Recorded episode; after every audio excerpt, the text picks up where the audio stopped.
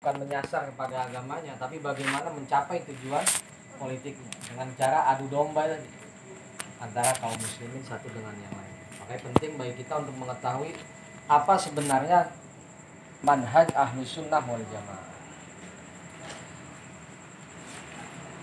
Wa ba'du ya. Fahada kitabun jalilun. Maka kitab ini adalah kitab yang sangat agung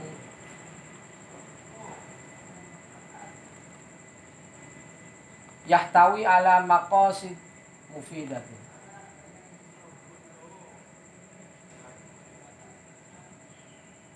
Yahtawi ala maqasid mufidatin ala maqasidi mufidatin. Terhimpun di dalamnya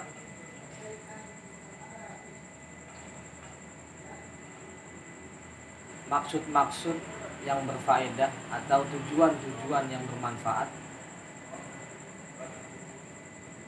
wa mabahis adidatin dan pembahasan-pembahasan yang banyak.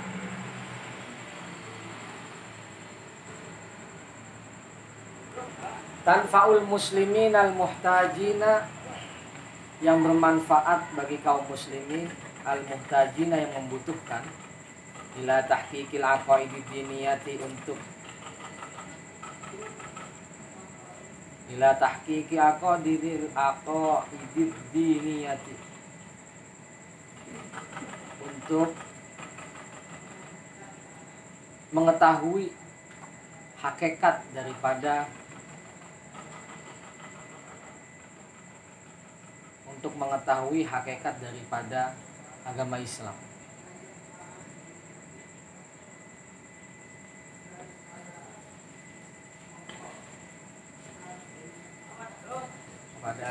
Akidah-akidah wa ila ijtima' bil firqatin najiyati. Wa ilal ijtima'i bil firqatin najiyati dan berkumpul. Atau bisa diartikan juga bersama. Bil firqatin najiyati dengan kelompok yang selamat. Alladzina hum ahlus sunnati wal jamaati mereka adalah kelompok ahlus sunnah wal jamaah. Jadi maksudnya di dalam kitab ini tuh terbanyak terdapat banyak beberapa pesan beberapa faedah yang dapat kita pelajari yang di mana faedah-faedah tersebut yang nanti disebutkan oleh Kiai Haji Kasim Asari dalam kitab Ihsal Ahlussunnah Jamaah ini itu bermanfaat bagi kita. Yang kita butuhkan info bagi kita, informasi bagi kita agar kita yakin dengan akidah yang selama ini kita jalankan. Yang selama ini kita jalani, yang selama ini kita jalankan itu benar-benar kita yakin bahwasanya ini adalah yang paling benar. Kebanyakan kan dari kita orang muslim sekarang ini kecemburuan untuk mempelajari agama itu sangat minim sekali. Bahkan mungkin banyak orang sholat tapi tidak bisa membedakan mana rukun dan sunnahnya sholat. Benar nggak? Banyak orang puasa nggak bisa membedakan mana rukun dan sunnahnya puasa. Banyak itu apalagi di Jakarta sih. Makanya akhirnya ribut dengan hal-hal yang sebenarnya nggak perlu diributkan. Cekcok berbeda pendapat dengan hal-hal yang sebenarnya nggak perlu diperdebatkan karena minimnya ilmu agama. Kalau yang ngerti mah nggak bakal nggak bakal apa, nggak bakal memperdebatkan, bahkan akan lebih luas. Saya pernah apa bersama pergi dengan guru saya Dr. Wahbah Zuhaili. Waktu itu saya lagi nyetir perjalanan dari Banten ke Jakarta. Sampai Jakarta jam 6 maghrib. Betis macet. Waktu itu hotelnya kebetulan di tengah di Kuningan atau di mana waktu saya lupa. Di Allahumma sholli ala sayyidina Muhammad. Di hotel ya pokoknya di situlah di hotel Jakarta di suatu hotel Jakarta macet maghrib. Macetnya itu benar-benar macet. Kemudian saya bertanya kepada guru saya bagaimana dokter Wahbah ini ini sampai hotel Isa. Saya ini kan orang Jakarta udah sampai Jakarta. Ini saya dosa nggak sholat maghrib. Kan nggak mungkin saya juga apa uh, turun kemudian mencari tempat sholat karena macetnya seperti ini. Coba kalau nanyanya sama orang yang mungkin hanya belajar kitab Safinatun Najah saja. Mungkin. Itu paling wah kamu ini dosa. Harus berhenti sekarang juga. Mungkin begitu jawabannya. Kalau ditinggal masuk neraka. Udah berhenti mobilnya berhenti sholat. Mau orang lakson gak apa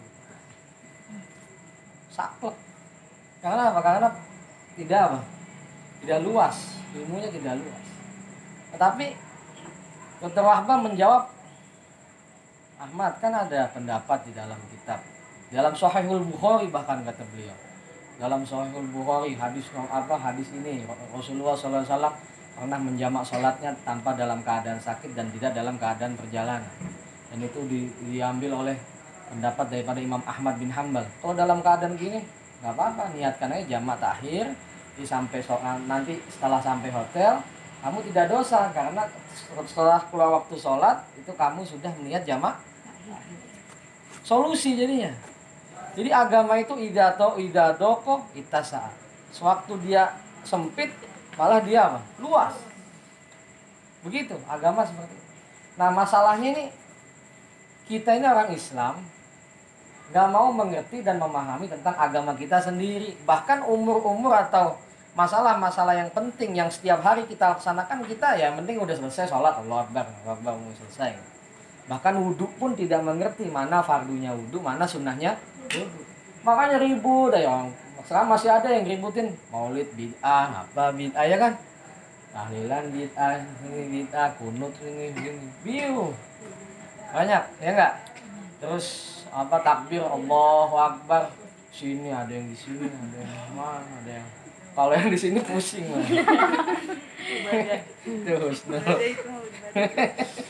ya ya. Allah Akbar. Pusing namanya. Itu itu namanya lagi mumet nggak punya duit. Jadi sebenarnya kan orang yang kalau yang belajar ya Safinatun aja saja kalau dia belajar dengan memahami dengan baik maka dia mengetahui fardunya itu hanya Allahu Akbar. Allahu Akbar itu fardu. Masalah ngangkat tangan tangan taruh di sini tangan taruh di sini tangan itu hukumnya sunnah. Nggak angkat tangan pun nggak batal sholatnya kunut nggak kunut pun nggak batal sholatnya ya kan? Sebenarnya misalkan ada orang meyakini tahlil ya silahkan tahlil ya kan? Toh di dalam tahlil ada la ilaha illallah la ya. yang nggak mau tahlil nggak apa-apa yang penting jangan saling menjadi yang kunut silahkan yang mau taruh tangan di sini ada dalilnya silahkan ya enggak taruh tangan di sini silahkan yang mau begini ada yang begini silahkan nggak ada masalah nggak ada masalah sama sekali ya enggak silahkan silahkan aja. Jadi itu diributin jadi itu hal-hal yang kecil yang nggak perlu diributin diributin karena apa? Karena minimnya pengetahuan tentang agama. Nah di sini nanti dijelaskan maksudnya oleh Kiai Haji Hasyim tentang apa akidah-akidah yang menyangkut agama yang berkaitan dengan agama sehingga kita meyakini bahwasannya yang kita ikuti ini adalah sesuai dengan ahlu sunnah wal jamaah. Sehingga kita termasuk kelompok-kelompok yang diselamatkan oleh Allah Subhanahu wa taala. Radda fihi muallifahu muallifuhu radda fihi muallifuhu. Menjawab di dalam kitab ini Kiai Haji Hashim Kiai Haji Hashim As'ari menjawab di dalam kitab ini Kiai Haji Hashim As'ari ala dolalatil mubtadiinil mubtadiinal kadzibin atas kesesatan-kesesatan para kaum-kaum yang membid'ahkan. Al kadzibina yang mereka itu tidak berkata benar atau mereka itu bohong.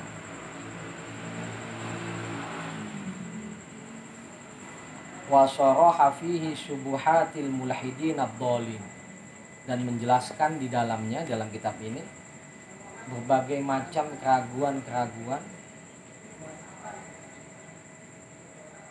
dari orang-orang yang mulhid orang-orang yang mulhid abdolin yang sesat.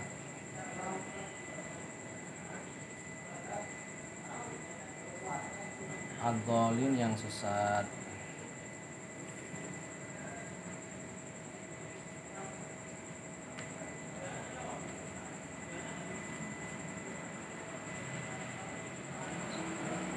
mulhid mulhid itu apa ya? Ateis. Ateis apa bahasanya. Tidak bertuhan. Nggak meyakini Tuhan. Ya. itu namanya mulhid naudzubillah min orang yang mulhid menyesatkan. Fahuwa idza hujjatun wa burhan. Maka fahuwa maka dalam kitab ini idzan hujjatun wa burhanun sebagai pedoman dan sebagai petunjuk. Dapat dijadikan sebagai pedoman dan petunjuk wa taudihin wa bayan dan sebagai penjelasan. Bahasa Arabnya taudih wa bayan. Bahasa Indonesia sama artinya. Apa? Jelas ya enggak? Taudih bayan idhar jelas. Fihi lil muslimina izzatun wa karamah di dalamnya lil muslimina bagi kaum muslimin izzatun suatu kemuliaan wa karamah dan ke nah, izzatun wa karamah sama aja. Keagungan dan kemuliaan. Keagungan dan kemuliaan walahum fihi najatun wassalamah dan bagi mereka dalam kitab ini najatun wassalamah keselamatan sama aja najatun salamah bisa diartikan kalau dalam ilmu nahu wawunya wawu tafsir gitu. jadi yang pertama sama yang kedua artinya sama. Id qad haqqaqa fihi muallif muallifahu al aqaidu id haqqa id qad haqqaqa fi muallifuhu al aqaidu sahihati dikarenakan yang mengarang kitab ini telah benar-benar mengetahui. Mengetahui dan meyakini tentang akidah-akidah yang benar.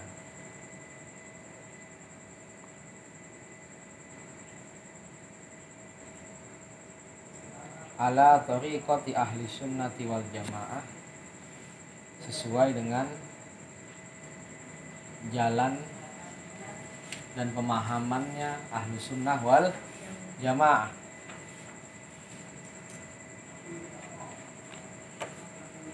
Ini kita habisin pembukaan wa ma'asyaral muslimin al yaum dan kebanyakan kaum muslimin pada hari ini.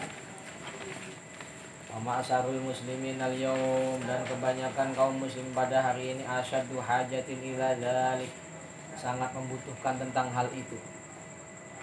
Tadi yang seperti saya jelaskan. Jadi sekarang ini kaum muslimin sangat membutuhkan untuk benar-benar memahami apa sih ahli sunnah wal jamaah. Makanya sangat diperlukan sekali untuk mengambil ilmu dari orang-orang yang sudah belajar dan sanatnya jelas. Jangan melihat ketenarannya saja atau hanya bisa sekedar me, apa enak didengarnya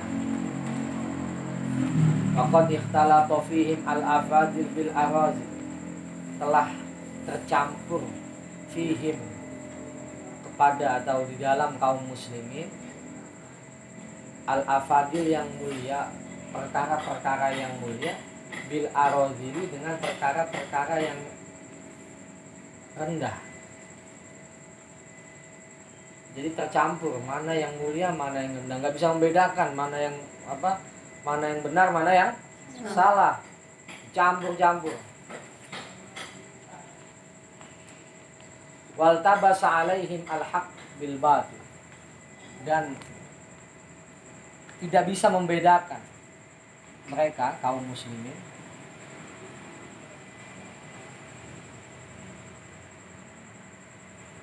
mana yang hak dan mana yang batil.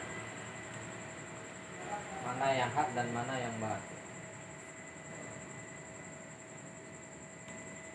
Allahumma sholli ala sayyidina Muhammad. Wa tasduru lil fatwa kulli jahil.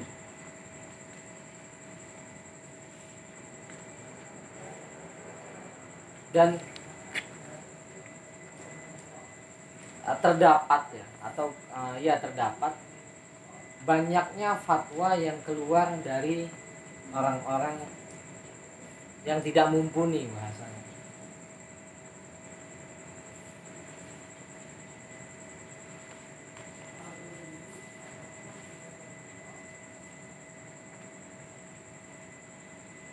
Allah. Mimman yaksuru idrakuhu an fahmi kitabillahi ta'ala wa sunnati rasulihi sallallahu alaihi wasallam yang mereka tidak dapat memahami tidak dapat memahami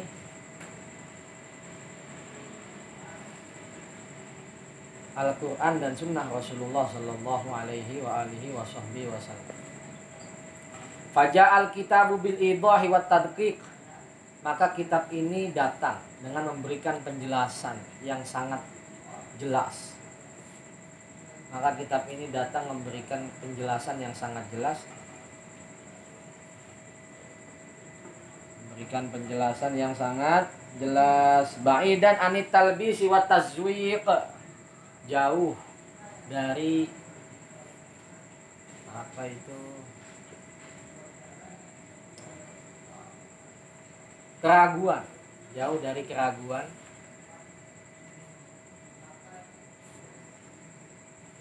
watazwik dan kesesatan. Itu an mawa an mawaqil jahli wad agar kita terhindar dari tempat-tempat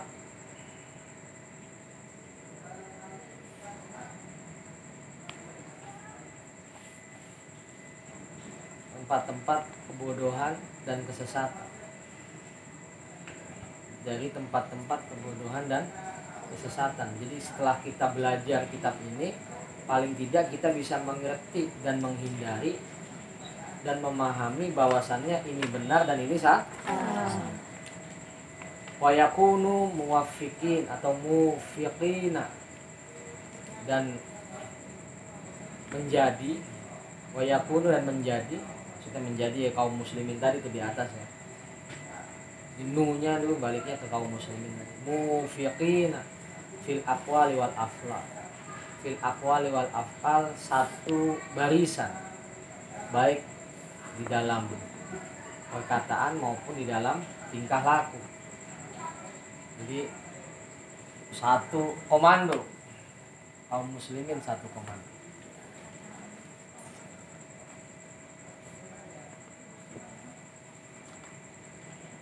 Wa kaifala bagaimana tidak? Waqad kana muallifahu al-alama asy Muhammad Hashim Asy'ari. Bagaimana tidak bahwasannya kitab ini telah dikarang oleh al-alama asy Muhammad Hashim Asy'ari rahimahullahu taala min akabir ulama Indonesia. Salah satu dari ulama besar yang berada di Indonesia. Wa min muassisi jam'iyyati Nahdlatul Ulama dan dari salah satu pencetus berdirinya Nahdlatul uh, gimana lagunya dan iya Nahdlatul ulama usul lapang Hah? Apa? Oh, bukan Ahlul Waton. Apa? Ya. Oh, iya. Ah, iya kan. Nanti coba di apa? Di mix sama Arwan. Ya Jamiyah Nahdlatul Ulama gitu kan nggak hafal lah ya. Sering dengar cuma nggak hafal. Jamiyah Nahdlatul Ulama. Apa hafal apa? Boten. Oh, di Lirboyo nggak dinyanyikan. Oh, boten. Apa boten ya? Enggak. Oh, enggak. Kalau enggak apa enggak? Oh, enggak. Arwani nggih mboten.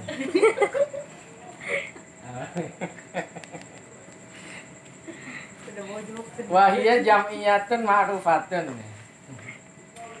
Yaitu suatu jam'iyah, jam'iyah itu apa ya? Perkumpulan gitu. Ma'rufatun yang terkenal bikuwati sukihim masyhur.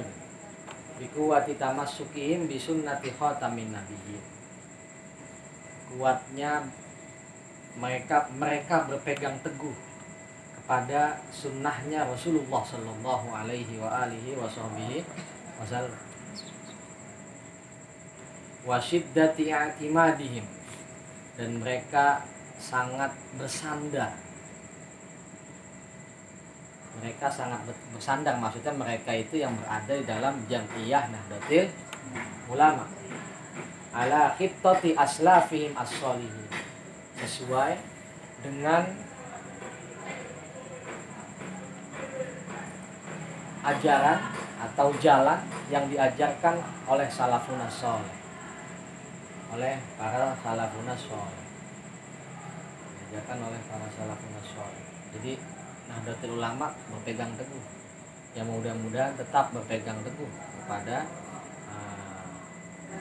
sampai hari kiamat nanti bisa menjadi salah satu tombak untuk ahlus sunnah wal jamaah. Fajazallahu ta'ala Maka Kami mengucapkan terima kasih Kepada Asyik Hashim Asy'ari Mu'allifahu atas karangan kitab ini Khairan kasiron dengan balasan yang sangat baik Maka mudah-mudahan artinya Allah subhanahu wa ta'ala membalas Syekh Hashim Asy'ari dengan balasan yang baik di sisi Allah subhanahu wa ta'ala Ya jelas lah menurut saya kan sampai sekarang Nahdlatul Ulama bisa berdiri hampir berapa tahun? 90 tahun. Iya, 90 tahun, hampir satu abad lah. Hampir satu abad. Gimana IPPN kok nggak tahu Nahdlatul Ulama berapa tahun? Hah? Ulama itu kan Kiai Hasyim Asy'ari sampai sekarang kitabnya dibaca beliau di alam kubur tetap mendapatkan apa? Dapat pahala. ya kan? Maka kita juga hikmah atau ngabdi di pesantren begitu. Banyakin kita untuk memperbanyak kita bagaimana pahala apa akhirat kita. Ya mudah-mudahan apa yang kita ajarkan, apa yang kita abdikan, capek, pusing dan lain sebagainya, semuanya itu mudah-mudahan dicatat sebagai amal jariah di sisi Allah Subhanahu wa taala. Amin ya rabbal. Wa ja'ala amalahu. Dan semoga Allah menjadikan amalnya. Min ihya'i sunnati sayyidil mursalin. Salah satu sebab dihidupkannya sunnah Rasulullah sallallahu alaihi wa alihi wasallam.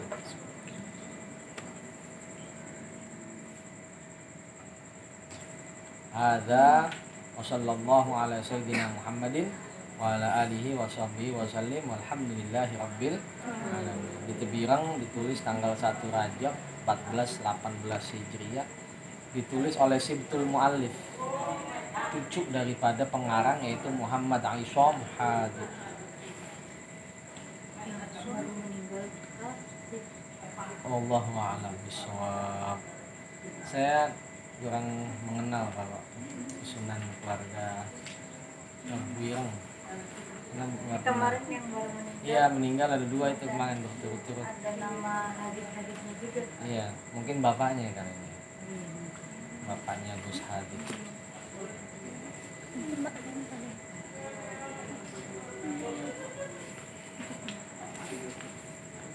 Mudah-mudahan semuanya husnul khotimah. Amin. amin. Amin ya rabbal alamin. Makanya paling khawatir husnul khotimah.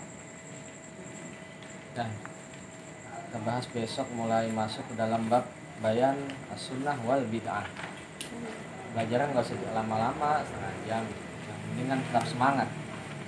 Semangat dan istiqomah di dalam mengaji dan mudah-mudahan bisa duduk kayak gini dapat pahala kan. Dapat menghapusin dosa kita, dapat mengangkat derajat kita di sisi Allah Subhanahu wa taala.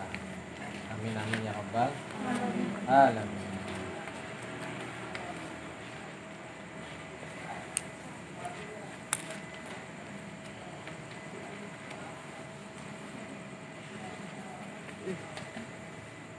Wallahu a'lam bishawab.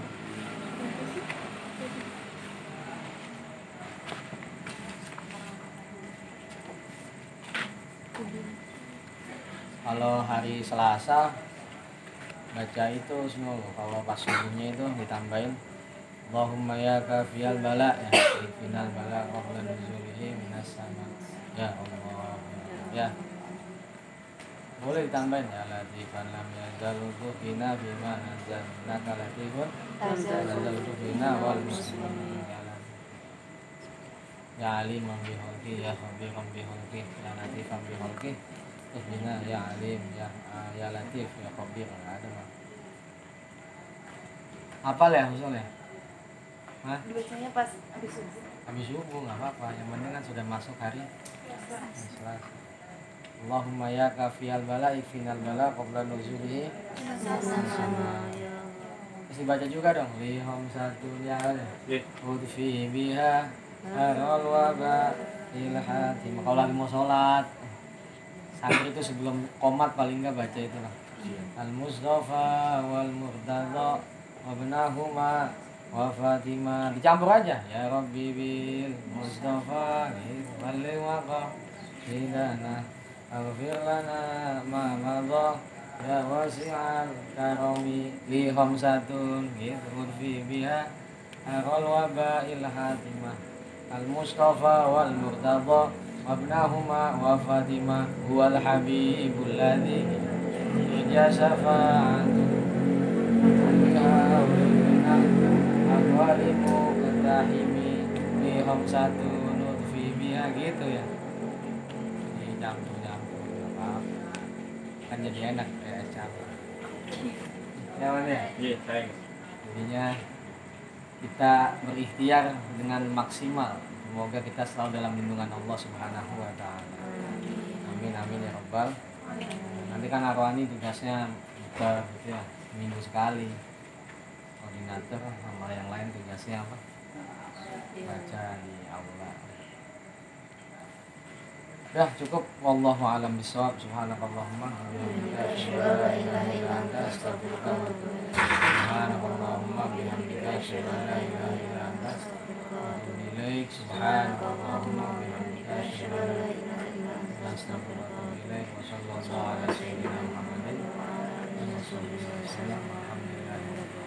Pernah juga saya ada cerita juga itu dokter Wahbah Zuhairi.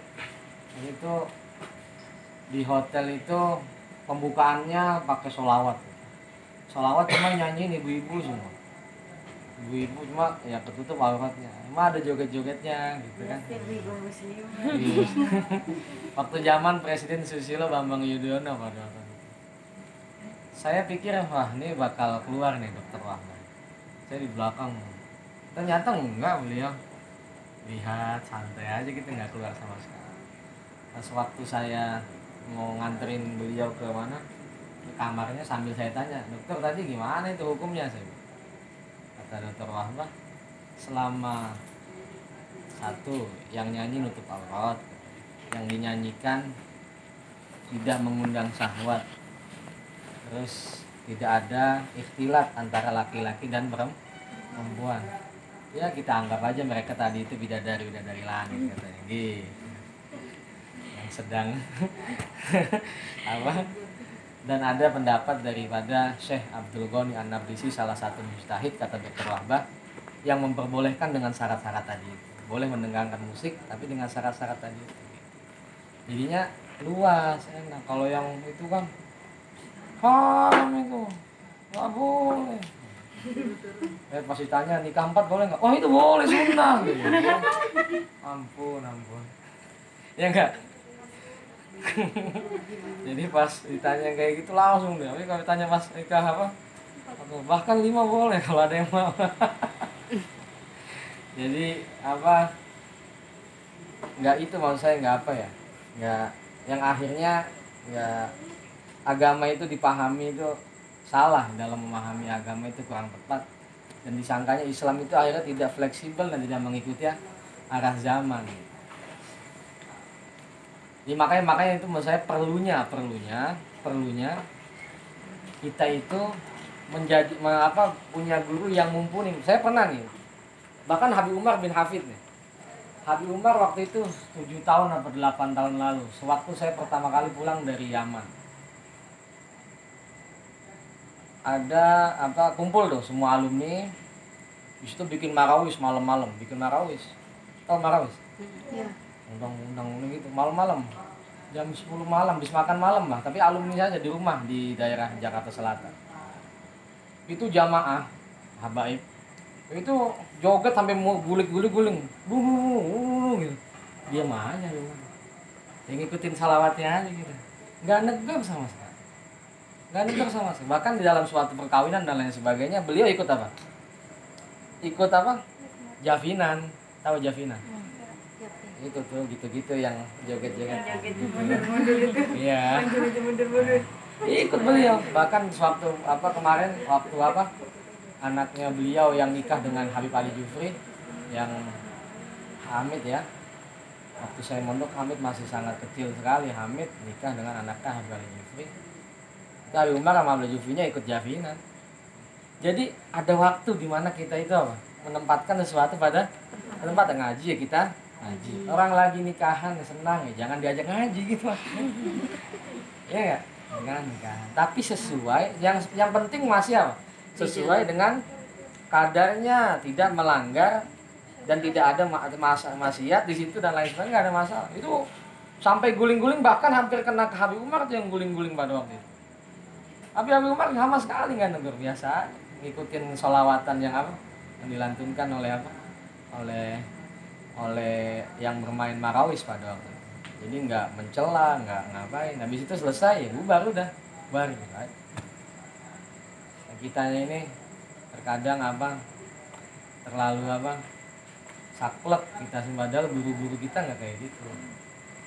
Yang nggak yang belajar luas nggak kayak seperti yang baru belajar kemarin kenapa apa saklek sekali. Itu aja. Assalamualaikum warahmatullahi wabarakatuh Waalaikumsalam warahmatullahi wabarakatuh. Silahkan. Silahkan. Saya mau ngobrol. Live. Nanti kerekam. Ada yang, yang nonton yang di rumah itu. Kalau bisa ya.